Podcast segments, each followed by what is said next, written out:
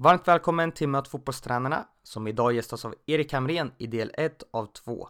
I detta avsnitt pratar vi om starten av hans tränarkarriär, vad som lockade honom att satsa som tränare, hur det var att träna AIK med Asse Backe och sedan bli ensam huvudtränare, åren i Örgryte, framgångarna med danska Ålborg med ligaguld, vad det betyder att få kontinuitet och bygga något långsiktigt som tränare, hur det var att vinna guld med Rosenborg i Norge och han beskriver vad han gjorde att det gick så pass bra.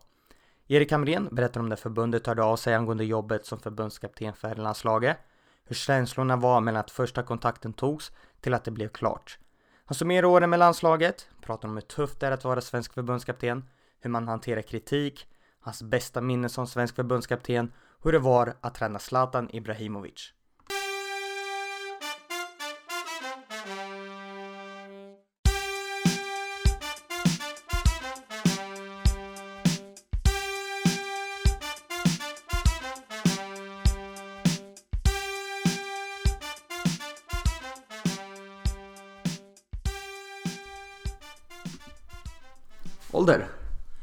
Fyller 63 i sommar. Familj? Mm, hustru och två eh, döttrar. Bor? Mölnlycke. Bästa spelaren du har tränat? Zlatan Ibrahimovic. Favoritlag? Ja, alla klubbar jag jobbar inom Sverige då får man ju en, en, känsla. Jag är en föreningsmänniska så de klubbar jag har varit verksam i så ligger den tätt på hjärtat. Eh, framförallt min modersförening i Ljusdals IF. Eh, tittar man utan, utanför Sverige så är det väl två klubbar som jag har följt lite extra och känt lite extra för och det är Arsenal och Barcelona. Förebild? Haft förmånen att få jobba med många olika bra tränare, bra människor som, som jag har lärt mig mycket av. Så självklart när man, när man var yngre så var en sån som, som Svennis en förebild som, som hade de framgångarna och, och eh, också en liknande, liknande eh, ska säga, story utan att ha varit en stor spelare och nått de framgångarna som, som, som tränare. Eh, när det är två jag ska nämna ändå så, så är det nog Bosse Börjesson IFK Sundsvall eh, som jag kallar min läromästare. Och eh, också George Graham som, som jag lärde känna när han var manager i Arsenal. Natur eller konstgräs? Eh, natur. Kostym eller träningsoverall på match? På match, kostym. Vad gör du på match då? Ja, oftast har man ju någon möte med spelarna. Fasta situationer till exempel brukar vi ta eh, på morgonen eh, tillsammans. Och sen har vi en liten matchvärmning som, som vi kallar det där spelarna får röra sig lite och göra lite vad de vill. Och när det är avklarat så, så, och man har haft lunch så har man ett antal timmar på sig innan matchen då beroende när match, matchen startar på kvällen. Eh, och de försöker jag utnyttja för att och förbereda mig då. Vila, eh, lyssna på musik. Eh, läser jag en bra bok så ligger jag gärna och läser den. Sådana saker för att koppla av och, och få eh, ja, vara beredd när, när matchen startar. Favoritsyssla utanför fotboll? Alltså, syssla är fel att säga familjen. men, men, men, du vet ju, du har intervjuat många tränare här nu. Men, men man är väldigt upptagen, framförallt som klubbtränare. Så att, eh, familjen kommer ju där att försöka umgås med dem så mycket som möjligt. Eh, men att säga att det är en favoritsyssla, det är väl kanske helt fel. Men, men är det någonting annat som, som jag gör så, så, så tycker jag om att spela golf. Jag, jag, jag, började spela golf när jag var 40 år så jag är inte något speciellt bra på det hela. Men, men det är väldigt skön avkoppling. Då tycker jag att man kan verkligen eh, komma bort och inte tänka på, på fotboll och andra saker. Det enda man tänker på är att träffa den där lilla vita bollen.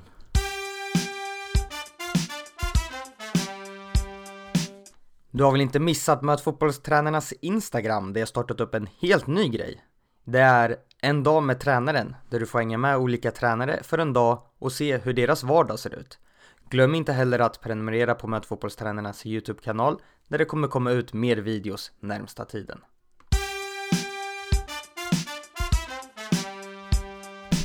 Varmt, varmt välkommen säger jag till Erik Hamrén till Möt fotbollstränarna.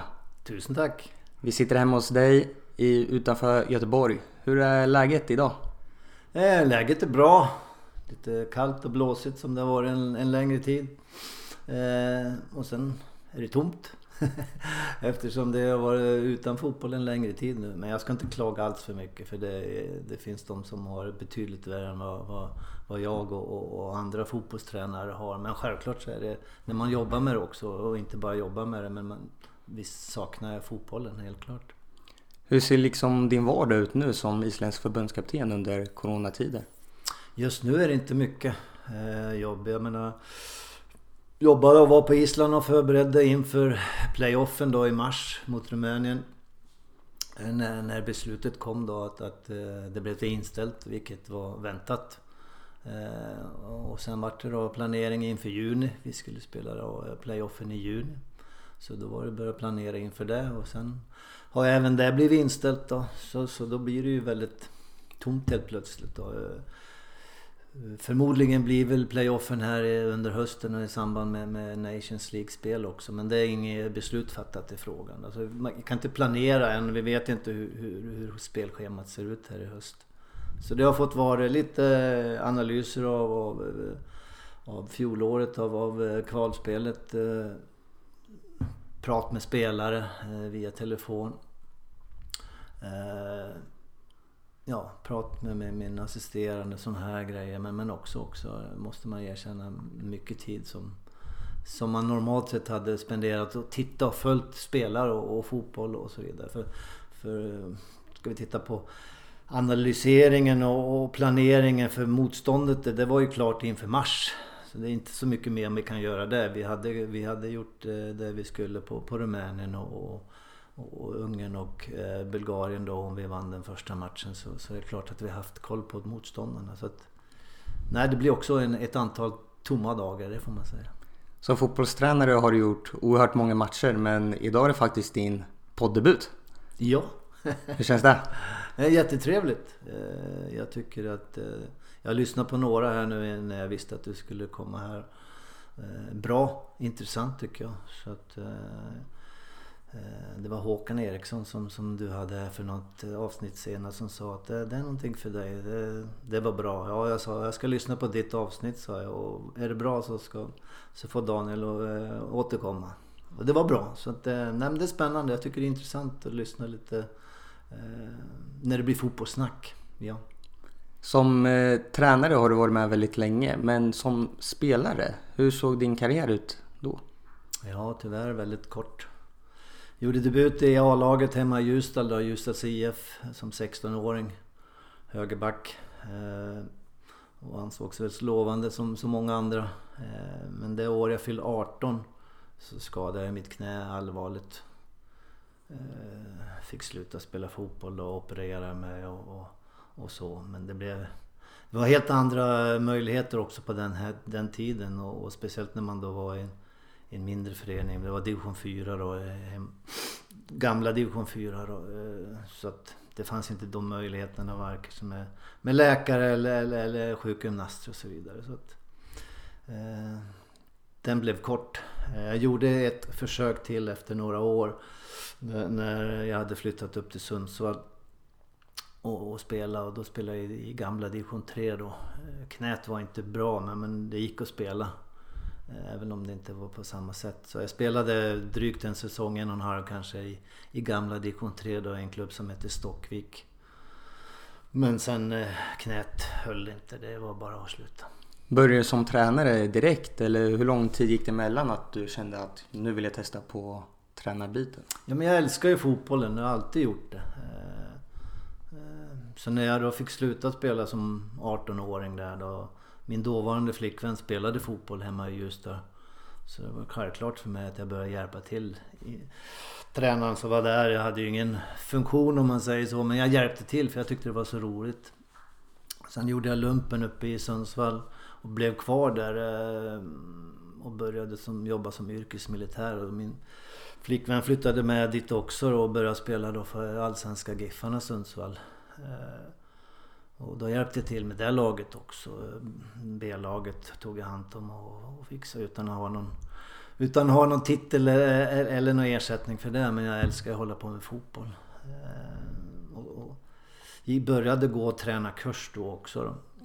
Och eftersom jag då hade också börjat jobba som militär Jag hade börjat det här med att, att ut, utbilda människor och så vidare. Vilket jag tyckte var väldigt skojigt. Att jobba med människor. Eh, och, och, sen kände jag då, nej, jag ska pröva spela då. Så att, därför hoppade jag på att pröva spela ett och ett halvt år som jag sa i division 3. Men när inte det höll så fick jag faktiskt eh, erbjudande direkt att bli tränare i division 4 då i, i gamla division 4 då i Sundsvall. För ett lag som, som alla tippade skulle åka ur division 4. Eh, och jag hade stora ambitioner då givetvis men, men vi åkte ur med buller och bång. Och jag lärde mig då också att det kanske inte passar mig att, att jobba med, med, med spelare som, som som prioriterade tvättstugan eller kanske gå och handla med frugan istället för att träna och så vidare. Så att, eh, det, var, det var lärorikt men, men, men jag sa aldrig mer ett division 4-lag mer. Så. Hur gammal var du där och då? Vad kunde jag vara? Jag måste vara då en 23-24 år. Kunde du drömma om att du skulle träna Sveriges landslag, Island, vinna flera mästerskap? Nej, nej, nej, nej. Jag hade inte, inte, inte ens de tankarna liksom. Jag älskar fotboll. Eh, jag tyckte om att jobba med människor. Så, så eh, det var bara för att få hålla på med fotboll när jag inte kunde spela själv. Jag hade inga tankar eller planer på, på, på tränarkarriär eller någonting måste jag säga.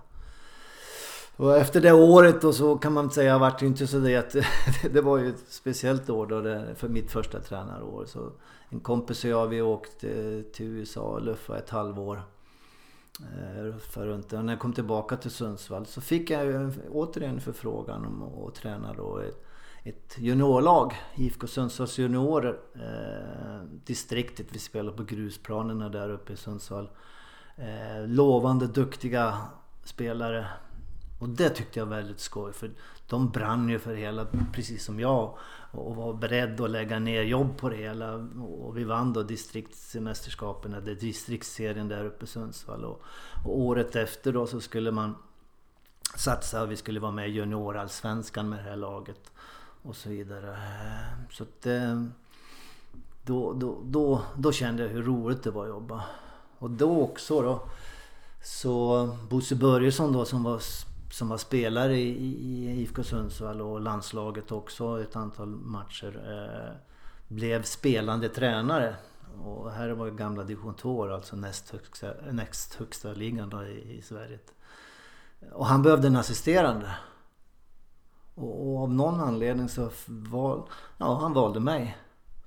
Så han, som jag, som jag kallar min läromästare här då, han, han tog in mig på elitnivå kan man säga. För jag hade ju aldrig varit spelare på elitnivå och så men men eh, IFK Sundsvall hade ju legat allsvenskan några år innan. Nu låg man i, i, i näst högsta ligan.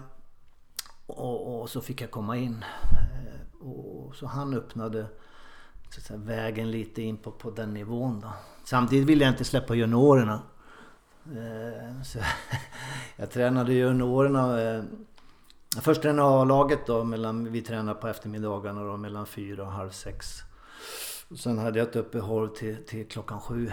Sen klockan sju kom juniorerna och tränade. Eh, och så såg det ut fyra dagar i veckan. Eh, och sen på lördagarna reste jag med juniorlaget och vi spelade matcher och på söndagarna så, så var det med A-laget. Så det var mycket fotboll. Men också ett av de roligaste åren och, och det är fortfarande vi vann junior-SM det året med, med det här laget. Eh, och det är fortfarande det enda lag på herrsidan eh, norr om Stockholm som, som har vunnit SM-tecken. Eh, så det, det, var, det var en fantastisk upplevelse. Hur skulle du beskriva att du har lärt dig tränaryrket under dina år och fram tills att du kom upp på eliten? Jag har ju fått lära mig genom att börja på, på låg nivå om man säger så. Från division 4, jag har ju tränat på varje division upp till, till Allsvenskan. Då. Jag har fått, fått chansen lite högre upp, göra resultat. Fått chansen lite högre upp och så vidare. Så man har ju fått lära sig mycket praktiskt efter vägen. Eh, och också på den tiden, ja det var ju, det var ju inget det var ju få som hade fotbollen som yrke på den tiden. Eh, så jag jobbade ju med annat för att kunna få syssla med fotboll givetvis. Då. Eh, men också lärt mig givetvis med de, de människor jag jobbar med. Jag har haft förmånen och turen eh, och kanske skickligheten också kanske. Men, men att få, få jobba med många bra människor. Så det är klart jag har lärt mig av, av, av de jag har jobbat med. I Sverige har du tränat otroligt många olika klubbar och lag som du precis har beskrivit. Hur ser du tillbaks på din tid i Sverige, i alla föreningar och hur formades du under de här åren att jobba i olika miljöer? Jag kom in på GH 85, eh, fotbollslinjen. Det var första gången jag, som jag bestämde mig att... Eh, för då kände jag, fick jag gå med med andra. Vi var tio stycken som gick på fotbollslinjen. Eh, mer kända då. Pia Sundhage gick där. Eh, Håkan Eriksson gick där. Jag lärde känna honom där. Sören Börjesson eh, som då var kung eh, eftersom Örgryte vann eh, SM också mot, mot Blåvitt i, i, SM-finalerna där. Eh, plus andra väldigt. Och sen var det också, jag fick lära mig mycket. Vi hade pingis, vi hade handboll, vi hade landhockey, skidor, alpint med flera, med flera. Så jag lärde väldigt mycket av andra idrotter också. Tyngdlyftning hade vi i våran klass också som, som, som man fick lära sig av. Och inte minst då utbildningen på GH med både fysiologi och allting, pedagogik och sånt här. Men då kände jag att... Och det var nog första gången att nej, jag, ska, jag, jag vill bli tränare. Jag vill, jag vill kunna ha det här som ett yrke. Jag vill bli allsvensk tränare. Och jag sa det också att jag, jag vill bli allsvensk tränare. Och folk skrattade åt mig liksom. Vadå? Erik Hamrén från Ljusdal. Hur ska du kunna tro att du blir en allsvensk tränare liksom? Jag visste att det skulle vara svårt. Jag visste att det skulle ta tid givetvis. Men jag var beredd att göra det. Jag visste också att jag måste ha framgång och jag måste också ha lite tur. Och det tog det, tog det tio år. Eh, men då var jag medveten att jag ska försöka göra och så ska jag göra resultat och så hoppas jag få en chans högre upp. Det började då i Stockholm eh, när jag kom ner. Trodde att jag skulle kunna få en och hyfsat. Jag hade ju varit tränare då för Sundsvall eh, och vi kvalade till... Vi vann division 3 och, vann och kvalade till, till tvåan. Men jag fick ett division 4-lag igen. Bro IK. Eh, men helt annat än då det division 4-laget som jag tränade uppe i Sundsvall. Här hade vi spelare som, som var beredda att träna och så vidare. Så vi vann division 4 och så, då fick jag chansen i Enköping som, som hade trillat, trillat ut andra divisionen. Och, så vart det då en nya serieomläggning så vi vart division 2 igen då fast nivå 3 då om man säger så. Och så var jag i Enköping i två år. Gjorde bra resultat där och så fick jag chansen i Väsby och fick komma upp till min första elitklubb då. Eh, eh, Väsby IK. Och så gjorde vi bra resultat där och så vart det Brommapojkarna. Eh, och gjorde bra resultat där. Men också andra året gick det tungt. Första året gick det väldigt bra, andra året gick det tungt. Då var det en konstig, eh, konstiga serie som det var då. Att man hade en serie på våren och en på hösten. Och det gick dåligt och, eh, och det var ju få matcher att reparera det på. Så vi åkte ur då på våren, kommer jag ihåg. Eh, den där korta serien och så var det en ny serie på hösten. Ja, de gjorde det några år. Eh, som tur var så slutade man med den där tokigheterna. Men då fick jag sparken. Det var första gången. Innan dess hade jag nog inte haft en tanke på det. Liksom, att jag skulle kunna få sparken eller något sånt där. Så det var den första motgången. Men det gick bara några veckor så, så, så blev det Vasalund. Och så var jag där i eh, en par säsong, två och en halv säsonger. Och vi gjorde bra där, kvalade till Allsvenskan. Och så hörde då Degerfors av sig 94 mitt första allsvenska lag. Så det tog eh, drygt tio år då.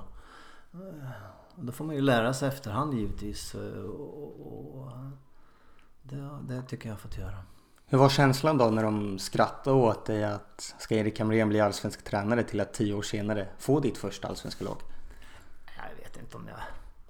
Känslan var ju stor för jag hade haft det som mål i, i så länge. Och, och, jobbat för det och hade också uttryckt det, inte bara jag hade sagt öppet så, så, så, så det var skönt att det var en enorm känsla. Min första allsvenska match glömmer jag inte. Malmö FF borta hade vi också med Degerfors. Så jag kommer ihåg jag stod där på, på innan matchen när man står där och kikar lite på plan och så vidare så stod och tänkte där. Ja nu är jag här liksom. Vad, vad är mitt nästa mål då? Vad, vad, ska jag göra nu? Ja de nästa mål som, som jag bestämde mig då. Det var att bli en etablerad allsvensk tränare. Så att, eh, och det kan väl säga att jag blev. Det var tio år i Allsvenskan då. Ett år i Degerfors och vi det är också tufft. Jag menar jag hade varit i klubbar som typ Vasalund, Brommapojkarna, Väsby där det var några hundra pers på, på matcherna och intresset medialt var inte stort heller. Speciellt på den tiden överlag men, men speciellt för de här klubbarna. Då. Och så kommer man till lilla Degerfors liksom med som enormt intresse. Då. Så det, det var också otroligt lärorikt gick dåligt på våren. Men hösten gjorde vi riktigt bra och, och resultatet tror jag fortfarande är det bästa Degerfors har gjort sedan 60-talet. Eh, vi kom väl sju eller åtta och sånt där. 95 hade du sen delat tränarskap med Hasse Backe i AIK. Hur var det att komma till en lite större klubb? Ja, det var ju stort. Eh, flyttade ju tillbaka till Stockholm mer av, av personliga skäl och hade ju nyss fått vår andra dotter. Min fru jobbade på SAS och så vidare. Det, det var svårt att, att, att pendla till Degerfors som, som, som jag hade gjort. Så det var det som gjorde att vi flyttade tillbaka till Stockholm. Då. Och, då hade jag liksom ingenting på gång fotbollsmässigt heller. Eh, AIK hörde av sig. Som första, första snacken jag hade så var det som, som juniortränare och, och jag var beredd att göra det också. Men sen dök det här upp att jobba, jobba ihop med Hasse då, delat ansvar. Eh, och måste berömma Hasse där mycket för, för eh, han, eh, han, eh, han tog emot mig med bra måste jag säga. Jag lärde mig mycket. Han hade ju mycket större erfarenhet än mig på, på elitnivå. Eh, så att det var nog många som uppfattade mig som assisterande om man säger så. Då. Eh, men vi hade delat ledarskap och, och, och eh, ja, jag lärde mig mycket under det. Och framförallt som du säger komma till en stor klubb. Nu ska vi komma ihåg att AIK var ju en stor klubb med en småklubbs resurser. För det var, ekonomiskt var det tuffa tider. Men kraven som storklubb fanns ju där också fortfarande. Och sen ska man också komma ihåg på den tiden det var inte så stort publikintresse. Jag, menar, jag, jag tror vi hade 5-6 tusen snitt kanske på Råsunda. Det, det, det var inte... Det vissa matchderbyna givetvis, som, som kunde bli 10-15 tusen kanske. Men, men annars var inte det på den tiden så intresset så stort varken bland supportrar eller, eller, eller med, medialt heller. Det är länge sedan nu ni jobbade tillsammans där i AIK men båda två har haft väldigt långa och framgångsrika karriärer. Har ni haft något, har ni pratat med varandra under de senaste åren liksom och sett tillbaka på att vi började tillsammans 95 och idag har vi båda tränar landslag och stora klubblag? Nej det har vi inte gjort. Vi har, vi har, vi har hållit kontakten på så sätt när vi träffas. Jag uppskattar Hasse mycket och vi, vi, har lätt att prata med varandra. Men vi har aldrig haft den kontakten att, att vi har ringt varandra och pratat om si och så. Nej, det, det, har vi inte gjort. Men, men jag har ju följt Hasses, Hasses framgångar givetvis och, och glatt mig åt dem. Tror du att det är något särskilt som ni båda har som gjort att det har gått så pass bra för er? Ja, självklart att vi har något särskilt om man, om man, om man lyckas att få komma upp och inte minst stanna kvar så många år som båda har gjort. För det, det, det är en sak att, att, få chansen, det är en annan sak också att kunna jobba så länge på, på högsta nivå. Så att klart att vi har, har några saker som, som är gemensamt och ja, vi är väl båda duktiga tränare. Sen fick du ta över som huvudtränare i två år och ni vann två Svenska cupen och så vidare. Hur var det att liksom stå längst fram och vara huvudtränare för AIK? Ja, för mig personligen tyckte jag inte det var så speciellt. Jag hade ju varit där ett år tillsammans med Hasse och fått lära mig en hel del och eh, hur, hur AIK fungerade och, och, så vidare. Eh, så jag kände inte något speciellt där att vara ensamtränare på det. Men jag var ju även då måste jag säga, det har det varit under hela min, min, min eh, tränarbana att, att man har varit ifrågasatt. Som jag sa de skrattade åt mig, ett, ett antal människor, att jag skulle bli allsvensk tränare. Och jag var ifrågasatt. Och vem, när jag kom till Degerfors, liksom, vem är Erik Hamrén? Och när det gick dåligt på våren där i Degerfors var det åk hem Stockholmsjävel liksom. Eh, eh, och så får man ändå, när man gör resultat så får man ju lite respekt och så vidare. Men så har det nog varit hela min, min väg. Jag menar, det var samma i Stockholm kände jag liksom. Erik Hamrén i Ljusdal, tränar AIK, vad är det för någonting? Så jag var ifrågasatt där också. Men vi, vi gjorde faktiskt bra resultat. Eh, framförallt cupen. Vi gick till cupfinal tre år i rad. Vann två då som du säger. Två, två titlar. Vi gick till kvartsfinal i cupvinnarcupen. Den, den glömmer många bort. Men det var sista året cupvinnarcupen gick. Och vi gick till kvartsfinal och mötte Barcelona i, i eh, kvartsfinal. Och den, den matchen tror jag påverkade, ändrade lite om fotbollen i Sverige. Eh, Okej, okay, det hade varit mycket intresse och sånt där med, med Blåvitt då, som spelade i Champions League och så vidare. Men helt plötsligt, kommer jag ihåg, inför Barcelona så blev det man, man, man skrev upp och vi hade ett slutsålt Råsunda i mars månad. Kallt och snö och grejer. Och det började snackas fotboll på ett annat sätt. Och året efter kommer jag ihåg så blev det det här att man, man gjorde specialtidningar för derbyn och så vidare. Så man kan säga att det, den här supporterexplosionen och intresset och inte minst medialt eh, blev under, under den här tiden här. Då. Så att eh, vi, vi, vi nådde bra resultat men också, också eh, blandade resultat tycker jag i Allsvenskan. Vi, vi tog väl en fjärde plats i medalj ett år om jag kommer ihåg rätt. Men sista året där då när vi hade en vår med, med cupvinnar cup kvartsfinal i mars. Eh, vilket var stort och vi vann kuppen igen i, i juni. En fantastisk vår. Och så hade vi en tung höst eh, resultatmässigt och då, då fick jag sparken igen. Här. Då gick du till Örgryte som var ditt nästa jobb. Som du var i drygt fem säsonger. Hur ser du tillbaks på de åren? Ja, först hade jag tio månader utan, utan fotbollsjobb. Jag jobbade då också under hela min tid. På, på, under min tid i AIK också så hade jag en tjänst på fotbollsgymnasiet i Jakobsberg. Så jag var inte utan fotboll. Jag hade, hade då eh, fyra dagar i, i veckan, eh, ett antal timmar på, på fotbollsgymnasiet. Då. Men jag hade inget lag under tio månader. Det var väldigt nyttigt så här i efterhand. Det var inte... När man får sparken är känslan, även om jag... Eh, ska säga, det kom inte som någon överraskning efter den hösten då eh, med, med AIK. Eh, så, så att få sparken är liksom inte, inte, inte någon höjdare när man får det. Men så här i efterhand så var de tio månaderna enormt viktiga. För då fick jag egentligen kanske första gången då på, på många år tillfälle att tänka igenom också. Vad, och analysera och fundera till. Vad har jag gjort bra? Vad har jag gjort mindre bra? Och, och, och om jag får chansen igen, hur skulle jag vilja jobba då? Det var väldigt nyttigt och jag åkte också runt mycket och tittade på, på andra tränare, hur de tränar både inom Sverige och utanför Sverige också. Så det enda som var jobbigt under den perioden var jag visste ju inte om jag skulle få en ny chans om jag säger så. Då, eh, att, att träna något lag på, på högre nivå. Men annars var den tiden enormt viktig. Jag brukar säga det till tränare som man känner som, som då har fått sparken och så vidare. Så ta, utnyttja det här. Jag brukar ringa upp och utnyttja den här tiden och göra något positivt av det hela. För den, den betyder mycket för mig. Så när jag fick frågan av, av Örgryte då eh, augusti 98 då hade man inte vunnit på 13 matcher Jag låg i botten av, av, av Allsvenskan. Så kände jag att ja, jag var redo för det hela och, och kände att, att eh, Ja, att det skulle vara skoj att få, få, få, pröva det liksom jag hade tänkt till på det hela. Och dessutom fick jag ju då också jobba med med Sören Börjesson som jag då hade lärt känna på GH och Uffe Svensson kom till, kom med eh, 99 där då. Men 98 där så var det ju att hänga kvar då. Vi hängde kvar till slut via kvalspel med Örgryte. Och sen kom Uffe.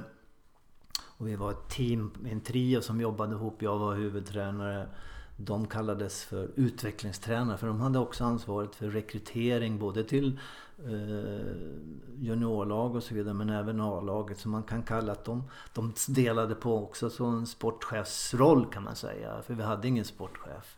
Och, ja, det var riktigt, riktigt bra det, det, det team som vi hade då med Uffe, jag och, och Sören måste jag säga.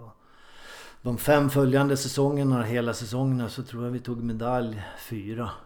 Varav en titel då, en cup, cuptitel mot just AIK. Vi vann vi cupen mot också då. Och kom ut i Europa också och spelade. Då. Så att vi gjorde någonting riktigt bra samtidigt som vi också sålde spelare för enormt stora pengar. Eh, Elmander såldes till eh, Holland till exempel eh, för mycket pengar. Albeck såldes också till Holland. Så att det, var, det var fina år. Sen så valde du att lämna för danska Ålborg. Kände du dig klar med Sverige då och ville testa vingarna utomlands? Ja, då hade jag varit tio år i Allsvenskan. Och kände att okej, okay, nu har jag, känner jag mig etablerad i Allsvenskan och hade också fått fått eh, respekt för det vi hade gjort i, i, i Örgryte. Så, så då kände jag att det skulle vara skoj. Jag hade haft an, an förfrågningar under de här åren i Örgryte från, från Norge framförallt eh, några gånger. Men inte hoppat på det där då. Men så dök Danmark upp då. Ålborg fick jag en fråga om jag ville komma dit. Och göra en intervju för de sökte en tränare. Och då kände jag, ja det här skulle jag vilja faktiskt. Jag skulle vilja testa och göra det utomlands och pröva på en annan liga som man helt okänd. Eller inte okänd men, men, men som man inte hade jobbat i då. Så det, då blev det Ålborg. Eh, och det, det det var väldigt intressant eh, givetvis också att få pröva sina idéer i ett annat land. Ni vann ju brons och guld. Varför tror du att det gick så bra för er? Ja, jag kom till ett Ålborg som hade lite tungt med, med pengar. Man hade vunnit titeln två gånger förut. Eh, bland annat Hasse Backe var där och vann. Eh, och sen hade man vunnit en gång förut. Men annars hade man aldrig tagit några... Man hade aldrig vunnit medalj två år i rad till exempel. Och vi hade lite tufft ekonomiskt men... Men, men eh, och jag kände när jag kom dit. Det var ett antal år efter Hasse att det var där. Men då var det inte proffsigt tycker jag.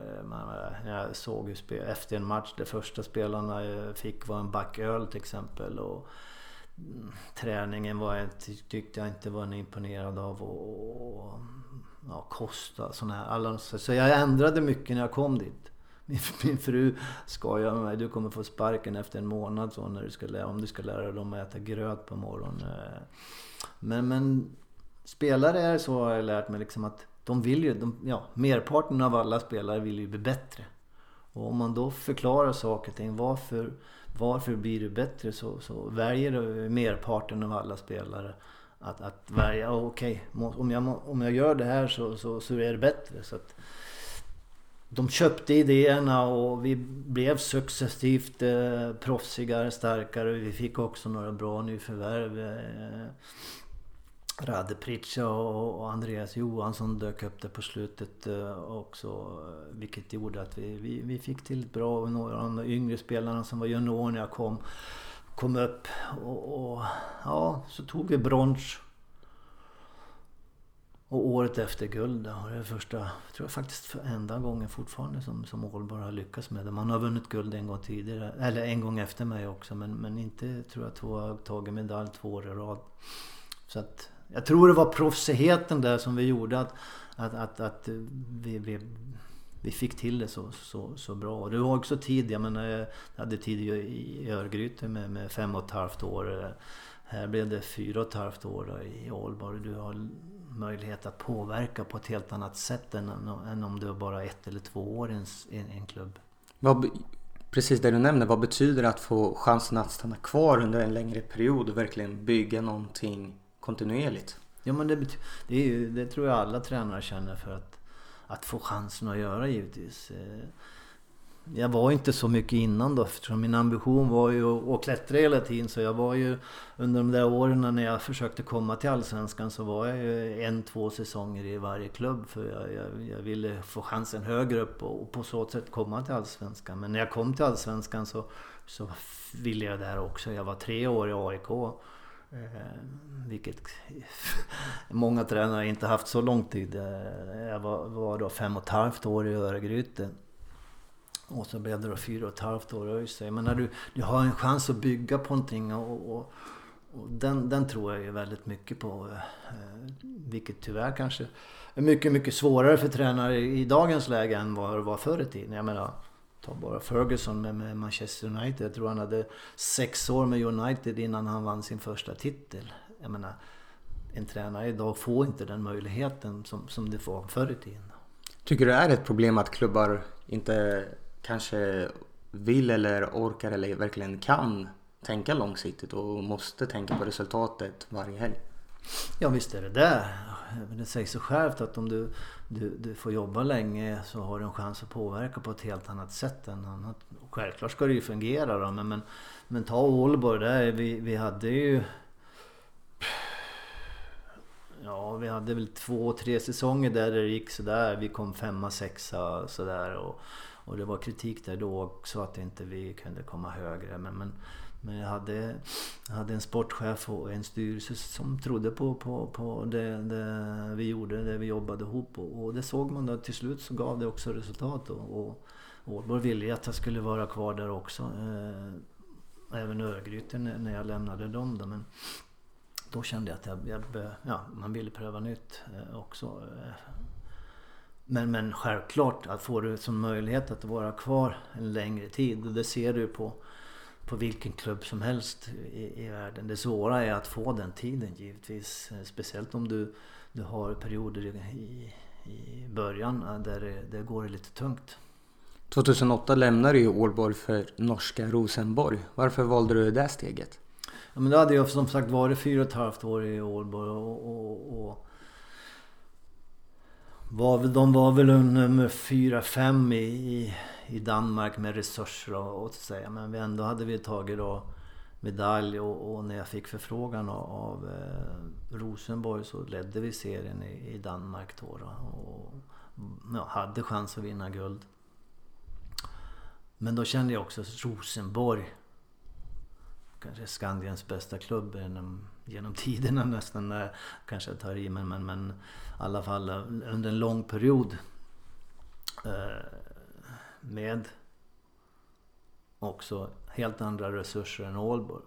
Och, och, det skulle vara skoj att få träna ett lag med, med de möjligheterna också. Man hade, Rosenborg hade då ambitionen att, att bli en av de, jag tror det var en av de 30 bäst rankade lagen i Europa. Eh, vilket innebär också att då är man också beredd att, lägga dit lite resurser också givetvis. Då. Så att eh, ja, jag tyckte det skulle bli väldigt spännande. Plus också individuell utveckling. Jag menar jag, jag utvecklades mycket att, att flytta till Danmark. Även om det är ett grannland så är det skillnad att bo i Danmark. Och du är, du är utlänning om man säger så. Du får lära dig mycket. Så jag tyckte jag utvecklades både som tränare och inte minst som person också. Att bo i ett annat land. Eh, och här fick jag då möjligheten att pröva ett tredje land med, med, med, med Norge. Så att eh, det, det, det kändes, jag ville göra det. Eh, men jag ville också vara kvar i, i Ålborg att försöka vinna det här guldet då. Så att vi gjorde upp om det, klart om det i december då. Eh, då ledde vi serien med Ålborg också. Men, men jag, och, och där måste jag säga Rosenborg var fantastisk. som sa ja men vi väntar på dig.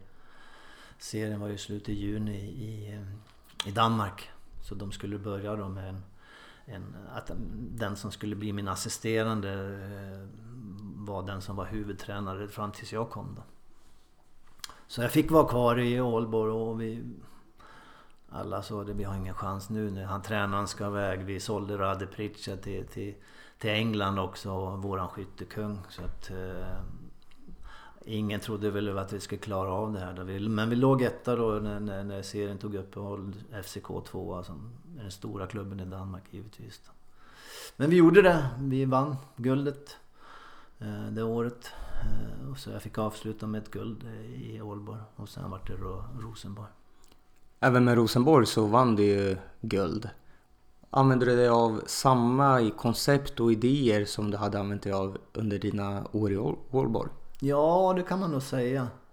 Eh, jag tror ju på det här med helheten att jobba, att inte bara fokus på en del utan fokus på helheten. Det är många delar. Det, det är teknik, det är fysik, det är taktik, det är det mentala, det är kosten. Eh, allt för att du då ska kunna så att säga, vara så proffsig som möjligt som, som, som spelare, som, som lag. Så då, alla de här bitarna eh, har, har jobbat jag hårt med från Började med Örgryte men, men ändå mer då i Danmark och, och, och i Rosenborg också. Då. Så, så jag tycker nog samma koncept. Skillnaden var ju att jag hade, det tog ju, det tog ju tre, tre år kanske då i, i Ålborg drygt. In, innan då kanske resultaten visade sig. Medan i Rosenborg så, så var det ju andra resurser. När jag kom då i juni månad till, till Rosenborg så låg man faktiskt på, jag tror tionde plats eller något sånt Det hade gått dåligt på våren där och det hade också gått dåligt året innan där innan jag blev eh, värvad till klubben också. Så man hade haft en, en tyngre period där efter många år med framgång. Eh, vi, vi slutade femma till slut. Hade vi vunnit sista matchen hade vi kommit trea. Eh, men ändå så, så var det långt ifrån det jag ville som krävdes för att vinna ligan. Men, men, men det gick ju fortare där då. Vi vann ju året efter då. Eh, för det fanns ju också lite resurser i, i Rosenborg. Vissa spelare som, som jag kände att eh, måste förändras om ni skulle vara kvar. Och några måste bort. Och man hade också möjlighet, jag värvade ju Rade till till Rosenborg också då, från, från England till exempel och, och sådana här möjligheter. Så det hade lite andra, det gick fortare i, i, i, i Trondheim i Rosenborg när det gick i Danmark då. Men konceptet var nog eh, väldigt likt. I Sverige så vann du ju flera cupguld, du vann danska ligan, norska ligan. Vad liksom, när du ser tillbaka, vad är det som gjorde att du gjorde det bra i alla lag du var i? Uh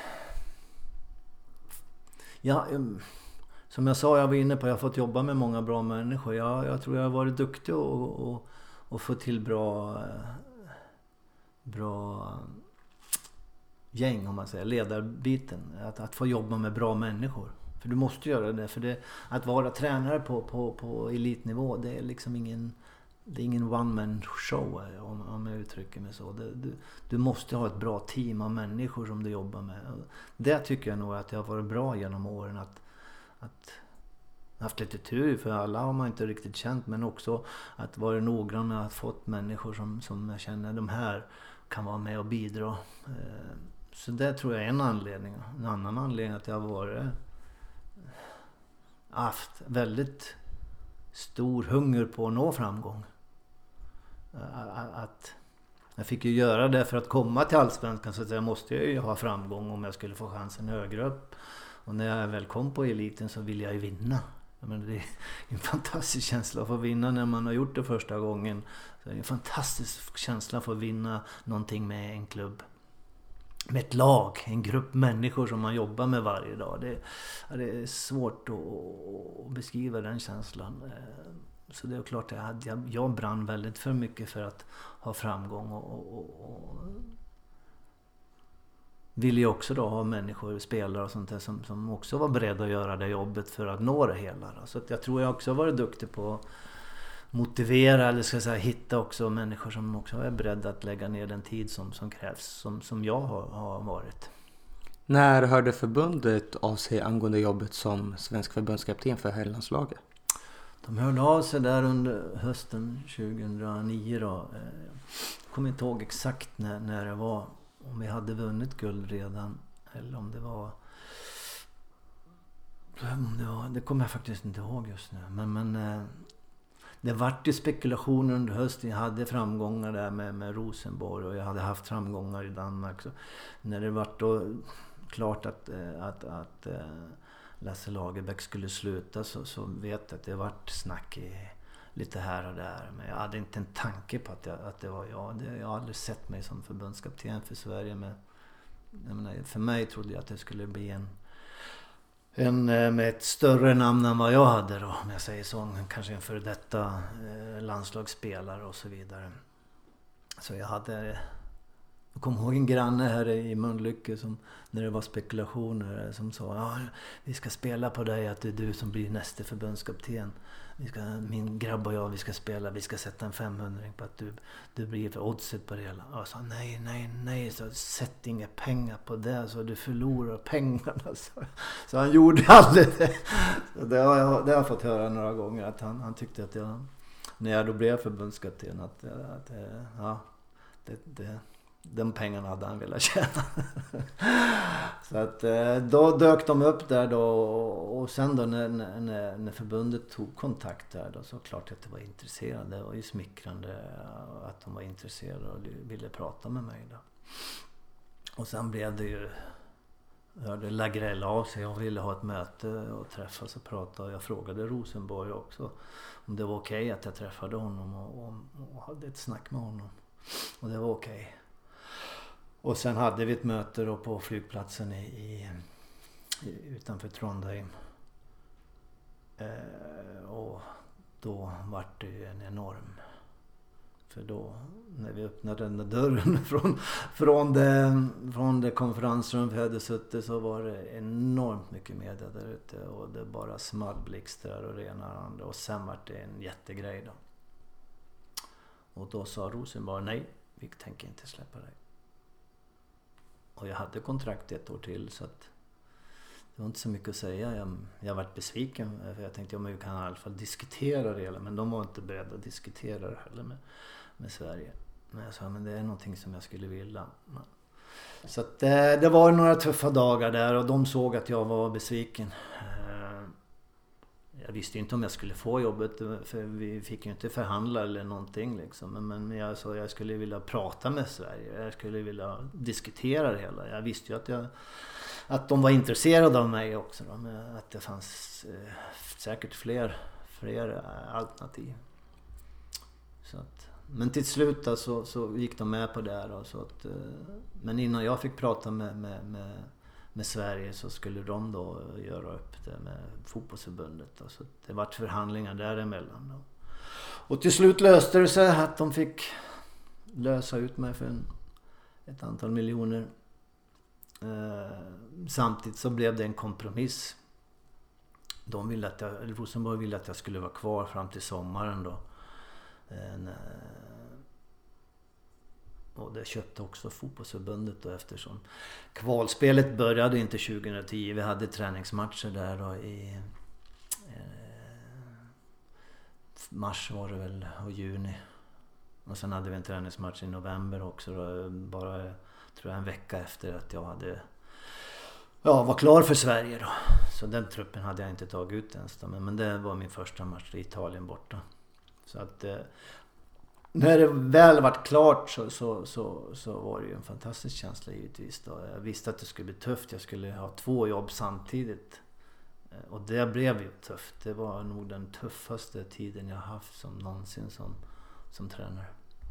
Hur är känslan mellan att ni hade ert första möte till att verkligen skriva på för landslaget? Är man liksom det måste vara så mycket känslor och stolthet. Man känner att man är på väg att bli förbundskapten. Ja, det var väldigt mycket upp och ner. För det, som jag sa då, när jag fick det och, och, jag kände det på det snacket jag hade med, med Lagrell. Att, att jag var het och, och att de, de, de, var väldigt intresserade att jag skulle eh, ta det här jobbet. Då. Eh, men vi, vi, vi, kunde ju inte förhandla så att säga. De, de frågade ju bara om jag var intresserad och så var jag klart jag är intresserad av att träna svenska landslaget. Och sen då till att det, det var nej från Rosenborg och den besvikelse som det var då liksom. Och, och sen då vart jag ju glad när, när, förhandlingarna började snacka och sen strandade förhandlingarna också och det var helt stopp igen. Så det pendlade väldigt upp och ner känslorna där då från, från att jag tänkte att det kanske löser sig. Nej, det är stopp och, och, och så vidare. Tills att det då den dagen det, det verkligen löste sig då. Det, det förbundet hade kom en eh, överenskommelse med Rosenborg. Och sen måste ju jag då komma överens med, med fotbollsförbundet givetvis. Vi hade inte diskuterat något sånt. Eh, så det var, några, det var några märkliga dagar, märkliga timmar där och så vidare. Men, men känslan självklart när man då... ja, stolthet. Jag menar som jag sa, jag hade inte ens haft en tanke på att jag skulle, skulle vara aktuell och, och få ett sånt jobb. Och, på ett sätt kände jag att jag inte ville lämna Rosenborg för jag hade bara varit där i två år. Och vi, vi ledde ju serien, eller jag hade bara varit där ett år. Och det skulle bli mitt andra år där då, så att säga. Eh, ett och ett halvt år hade jag varit i Rosenborg för jag kom ju mitt i säsongen först. Men i alla fall då. Så att jag kände, Nej, jag är inte klar med Rosenborg. Eftersom jag sa, jag har ju varit länge både i Ålborg, Örgryte och så vidare. Jag hade, jag hade liksom velat vara kvar i, i Rosenborg. Men samtidigt kände jag, här får jag chansen att träna landslag, svenska land, mitt, mitt landslag, mitt, mitt land hur många gånger får man en sån chans? Om jag tackar nej nu till det här hela här. Är det, är det troligt att jag får någon ny chans liksom? Och, och, och mitt känsla, nej det är mycket möjligt att det kanske är bara den här gången. Eh, vem vet? Det kanske dyker upp om jag tackar nej men det är också möjligt att det aldrig kommer igen. Så därför kände jag, nej jag vill göra det här nu. Jag vill, jag vill faktiskt testa och, och göra det här. Och då är ju känslan fantastisk när man då får den möjligheten. Min första landskamp, Italien borta, världsmästarna mötte... Ja, när man står där och sjunger eh, nationalsången. Ja, men det, ja, det var stort. Det var riktigt stort. Hur skulle du summera dina år som svensk förbundskapten? Ja, om du ska summera känslomässigt och upplevelsemässigt fantastiska år. Eh, enormt mycket spännande år fotbollsmässigt runt omkring. Alla människor man har mött, all den kärlek av supportrar och människor som kommer fram under de här åren och, och vill prata fotboll och det ena och det andra. Enormt eh, fantastiska år. Tittar du rent fotbollsmässigt så, så, så hade vi framgångar men vi hade också motgångar givetvis. Eh, resultatet är ju ofta du blir bedömd som, som förbundskapten då. Eh, och där var, gjorde vi bra tycker jag i kvalerna. Vi gick till två EM. Eh, vi gick till ett playoff till VM. Eh, tyvärr fick vi Portugal där då med en Ronaldo i hög form. Eh, så resultaten där var bra. Däremot är jag inte nöjd med resultaten i, i slutspelen. Eh, prestationerna var inte så dåliga. Vi, vi gjorde då sex matcher, tre matcher i i 2012 och, och, och tre 2016. Eh, där vi gjorde en mindre bra prestation i båda öppningsmatcherna mot Ukraina och, och mot Irland. Men sen tycker jag vi gjorde faktiskt fyra bra prestationer mot riktigt bra lag. Vi mötte England, vi mötte Frankrike, vi mötte, vi mötte Italien, vi mötte Belgien. Eh, men, men eh, det var bara en match där och när vi slog Frankrike som, som som vi också hade det där lilla flytet som man måste ha i de här eh, tuffa matcherna. Så att resultatet där är jag inte nöjd med. Hur tufft är det att vara svensk förbundskapten? Det, det finns ju en förbundskapten i varje hem och med kritik i media och så vidare. Hur hanterar man det? Jo men det är ju men det, är ju det som också är tjusningen givetvis. För det, som jag, det, det, finns ju de som, som är kritiska men det är också de som är otroligt positiva. Eh, och jag upplevde ju mer positiva människor än negativa människor. Eh, jag har aldrig varit med på sociala medier så, så, och det kanske är bra för, för på sociala medier så, så har jag förstått där är det ju mycket hat och grejer. Det är kanske de som är mest negativa som, som syns och hörs där. Men där har jag aldrig varit med så att, eh, det, det, vet jag inte riktigt vad de sysslar med. Människor som jag mötte eh, var ju övervägande positiva och så vidare. Så att, men visst är, visst är det tufft på, på det sättet. Men det, det är det ju klubblag också även om det här är mycket, mycket större. Då. Men det är därför det är så viktigt att du har en filosofi. Hur, hur ska jag vara eh, som, som ledare? Vad, vad, står jag för? Och den fotboll du ska spela och så vidare. För alla har ju synpunkter och åsikter och det är det som gör fotbollen så stor givetvis. Vad är ditt starkaste minne från att vara svensk förbundskapten? Ja, det är många. Om du ska ta känslomässigt så en av de största var ju EM 2012. Vi gjorde en mindre bra prestation mot Ukraina. Vi förlorade mot dem. Sen ska man komma ihåg att värdnationen som Ukraina var tittar du rent statistiskt sett så, så förlorar de sällan öppningsmatchen. Eh, om du tittar igenom alla år. Så, så det, det, men, men vi var inte nöjda med prestationen, vi fick stryk. Och sen hade vi en öppen träning där i Kiev och, och, eftersom vi hade alla tre matcherna i Kiev så hade ju då alla svenska fans i sin, sin eh, sin camp där i Kiev. Så det var ju enormt mycket gult och blått där. Och så skulle vi då ha en öppen träning där då eh, någon dag efter första matchen på ett stadion där som jag vet inte hur mycket det rymde där men jag skulle tippa att det kanske rymde en 10 000 människor åtminstone. Och då kände jag att det här kanske inte blir så trevligt. Jag menar, vi hade stor besvikelse efter första matchen. Man tänker supporterna som lägger ner en massa pengar på, på att följa och stötta sitt landslag. Så det är säkert en besvikelse hos dem också. Då.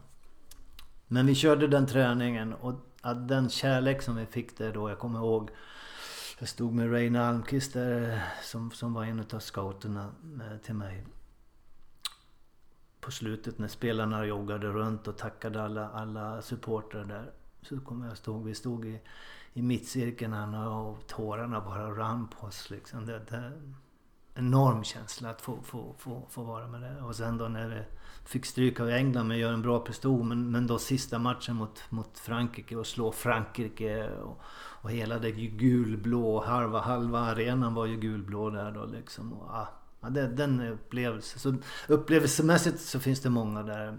Resultatmässigt är ju självklart matcherna eftersom man är tränare. Så, och där har jag några stycken. Jag har svårt att peka på en. Om, du ska, om jag ska ta dem i kronologisk ordning så är det ju Holland på Råsunda. Första kvalet då. Sista kvalmatchen mot, Rås, mot Holland. Eh, vinner vi den matchen så är vi klar för EM som bästa tvåa av alla, alla lag då. Eh, Holland hade vunnit gruppen. Man ska komma ihåg Holland då hade inte förlorat en match på fem år. Jo, man hade förlorat en match på fem år och det var VM-finalen mot Spanien. En enda match på fem år. Och så slår vi Holland. Med 3-2. Vi ligger under med 2-1 en, en period i andra halvlek också. Det var enormt. Eh, sen Ja, den här Frankrike-matchen i EM var också enorm tycker jag. Att få vara med om att vinna den även om det inte betydde så mycket för oss eftersom vi var redan utslagna. Det betydde mycket för Frankrike givetvis men... men eh, sen har jag ju Tyskland, Berlin. Någonting som, som är helt unikt kanske i, i svensk fotboll. Eh, ligga under med 4-0 och 25 minuter kvar tror jag det var. Och 4-4. Eh, ja, det är, det är en enorm känsla att få vara med om det. Och sen skulle jag nog vilja säga playoffen mot Danmark eh, inför då EM 2016 när vi i båda matcherna när vi var väldigt nederlagstitt tappade och väldigt kritiserade för vi hade då fått stryk. En samling mot Ryssland och, och, och Österrike. En, en, en resultatmässigt katastrofsamling då. Prestationerna där igen, Ryssland borta var inte så dåligt men hemma i Österrike var en dålig match. Så vi, vi, vi gick ju inte direkt till EM då, men vi, vi, vi kom till playoffen och fick Danmark och möta Danmark som, som Sverige inte hade vunnit på länge under min tid hade vi två träningsmatcher mot Danmark som vi inte hade vunnit. Och jag tror senaste gången Sverige hade vunnit mot Danmark, det var när, när, när domaren blev påhoppad och Sverige blev tilldömd segern. Eh, annars hade det varit en lång period eh, med, med problem mot Danmark. Så vi var ju väldigt nederlagstippade och så. Men den, de två matcherna eh, det är också enormt mycket. Eh, för vi fick till också fantastiskt med prestationerna och och resultaten eh, vart ju också då givetvis att vi, vi kom till EM. Hur var det att träna Zlatan och hantera en stor stjärna som han är? Ja men det är ju speciellt givetvis. Det är alltid speciellt att träna spelare på olika sätt. För alla har sina eh, olika egenskaper och, och, och kunnande och så vidare. Eh, men, men han är ju en världsstjärna. Jag ser ju honom på samma nivå som, som, som Ronaldo och Messi. Och Så självklart att det är en speciell känsla att träna en sån, sån spelare. Och också tycker jag då att min känsla var ju, jag menar när jag tog landslaget, det första jag fick höra sen det var klart, det visste jag inte innan, men det var att han skulle sluta. I alla fall ta en break. Tills jag sa, du får, tills du tar ett beslut då liksom. Så det var ju en väldigt, ska jag säga, råsop i magen. Eh, eh, för, för, ja, jag ville ju ha honom givetvis, Sveriges bästa fotbollsspelare. Jag ville ju att jag skulle vara med i landslaget. Eh, så att... Men eh, under den tiden också så fick vi ju då pratas vid en del och, och han lovade mig att att innan han tog det avgörande beslutet om han skulle sluta helt och hållet då, så, så skulle jag få chansen att ta, få ett riktigt snack med honom och så vidare. Så vi hade ett snack några gånger på telefon men sen möttes vi i Malmö eh, eh, och hade ja, ett stort antal timmar tillsammans och pratade fotboll och, och hur jag såg på, på, på honom och hur jag ville använda honom och så vidare och också vad jag, vad jag förväntade och krävde av honom om, om, han, skulle, om han skulle tacka ja. Då. Så att eh, vi fick en bra kontakt där. Och, och, och, det kändes som första gången där vi träffade. Det kändes som liksom att, ja, en riktigt bra kontakt. Eh, så att, nej men det var en speciell känsla att få jobba med sådana spelare. Självklart, eh, att vara förbundskapten får du jobba med de bästa svenska spelarna. Men han, han var ju en nivå högre om man säger. Åtminstone. Hur mycket kontakt har ni idag? Ja, mestadels via sms. Eh, någon gång jag pratade med honom, senast jag ringde och pratade med honom var i januari. Annars så, så har jag inte så mycket kontakt där men, men ja, det blir någon gång ibland. Stort, stort tack för att du har lyssnat på del 1 med Erik Hamrén. Andra halvan av intervjun hör du nu på söndag. Vi hörs då.